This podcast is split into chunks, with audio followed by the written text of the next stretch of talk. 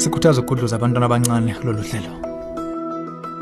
Njengoluntu sibuthaka futhi inhliziyo nezingqondo zethu zingasidosa kalula uma singaqapheli ukuba ihlale zibekwe enkosini. njengamaKristu sidakulwe ebugqilini besono sabuyisana noNkulunkulu. Kodwa lokho akuchazi ukuthi imicabango yesono ayithi shwi emqondweni yethu. Kusibiza ukuba senze izinqumo ezinqala usuku nosuku sithabathe iphambano zethu simlandele uJesu. Emshadweni simelwe ukuqapha inhliziyo zethu kwintshisekelo zesono engamelana nobudlelwano besiganele nabo.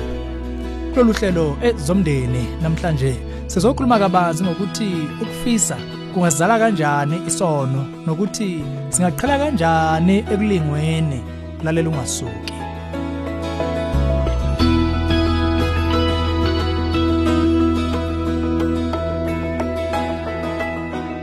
ngithatha ithuba ngibingelele. Ezomndeni uhlelo ukulethela izeluleko eziphathekayo ngabaka focus on the family sithola umbuzo ngonkosikazi sesimene esinzima emshadweni wakhe ubuze wathi Ngingamtshela yini umnyeni wami ukuthi ngihuheka ngomngani wakhe oseduze naye na?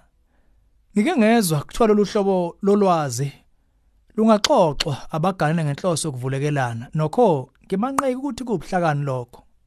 Kulamadoda amabili akekho waziyo ngofudulo lwami lwangaphakathi futhi angifuni ukulimaza umngani babo. Ngenze njani. Okwamanje akukho sitshele khona ongabanga kuba lo muzwa wangaphakathi usho ngaphandle.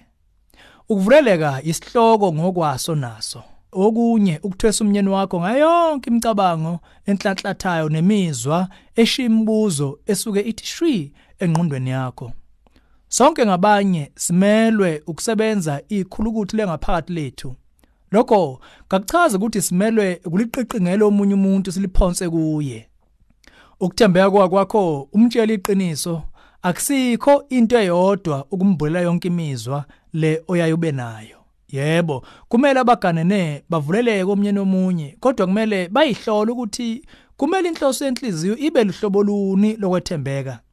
Egameni lokuvuleleka abaganene kwesinye isikhathi batshana okuningi kweqe ngezolo nemanje labo ongaba ukuthi ukemhuheko nemicabango yabo. Imininingwane nesikhathi izinto ezimqoka lezo.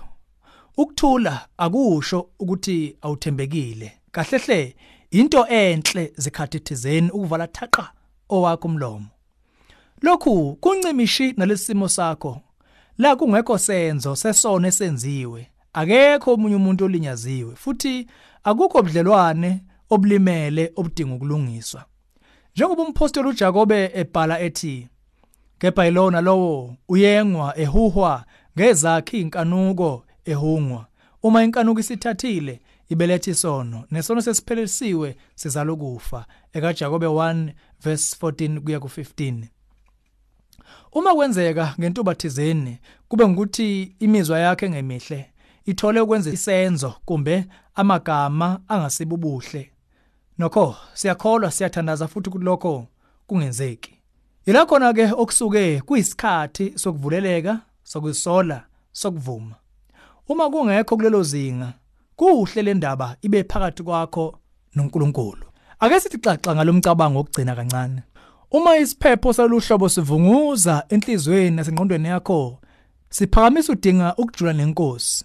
Esikhundleni sokuyophonsa kumkhwena wakho nokwehlisa umshado wenu kudinga lemizwa engemihle uyivume kuye. Khumbula amagama kaDavide kumahubo 51 verse 4 ngonile kuwe wedwa ngakwenza okubi emehlweni akho. Yenza lomkhuleko ube ngowakho. Cela uNkulunkulu ukukunika amandla ukuhlala ngothembekile ezifungweni zomshado wakho.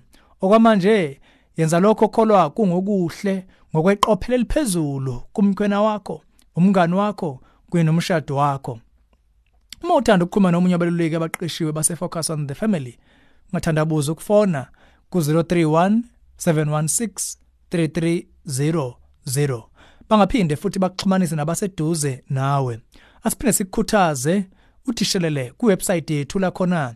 Kuneyinsiza ezimangalisayo kwezobudlelwane nokholo ezingaba usizo olukhulu kuwe. Chafo chafo ku safamily.co.za khona uzothola ukudinga ngqo. Sikhule kuba vume uNkulunkulu enza umsebenzi enhlizweni yakho nokuba uncike emandleni akhe naseqinisweni lakhe. Lolu hlelo ezomndeni ulethulelwe yi-focus on the family sihlangabezwa ohlelweni oluzayo.